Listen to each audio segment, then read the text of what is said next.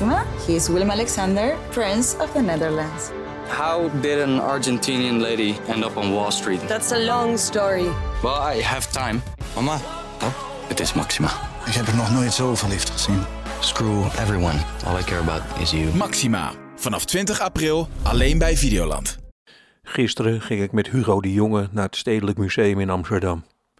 Zoals afgesproken keek hij een kwartier lang naar het schilderij Arbeidersvrouw van Charlie Torop.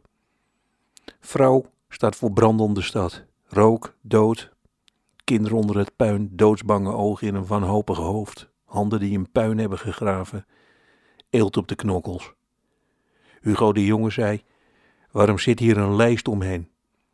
Ik doe toch ook geen lijst om mijn ministerstukken. Zo van, nou jongens, ik heb me nou toch iets moois gemaakt. Laten we er een stuk hout omheen doen. Dat is toch raar? Dat je schildert, dat vind ik tot daaraan toe. Zonde van het materiaal.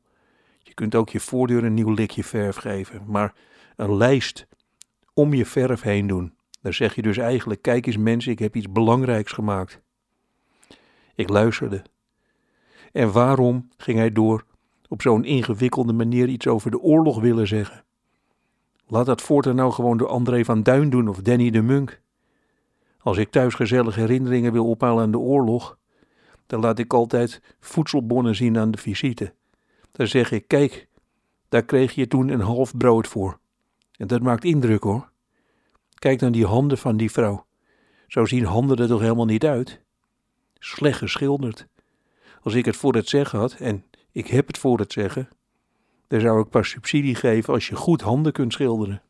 Meneer Charlie Torop zou van mij geen cent krijgen. Het was een vrouw, zei ik. Charlie was een zij. Dat veranderde de zaak. Heel belangrijk dat meer vrouwen gaan schilderen, zei hij.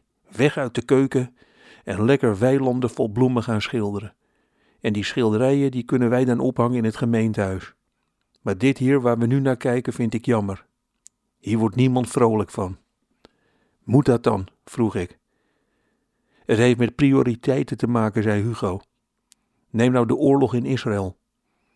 Daar kan je als schilderende vrouw dan wel weer iemand met holle ogen voor een brandende auto gaan schilderen en er een lijst omheen doen. Maar wat hebben onze vrienden in Israël daar dan aan? Schilder een witte duif of zo. Dat scheelt ook meteen weer gekleurde verf. En noem dat schilderij dan gewoon duif dus niet aarde, bloed, bloed, bloed, aarde 2021 voorstudie. Hij wees naar een plat gebombardeerd muurtje achter de vrouw. Lelijk geschilderd. Zo ziet een muur er niet uit. Dat vind ik ook heel belangrijk. Dat je schildert zoals het echt is.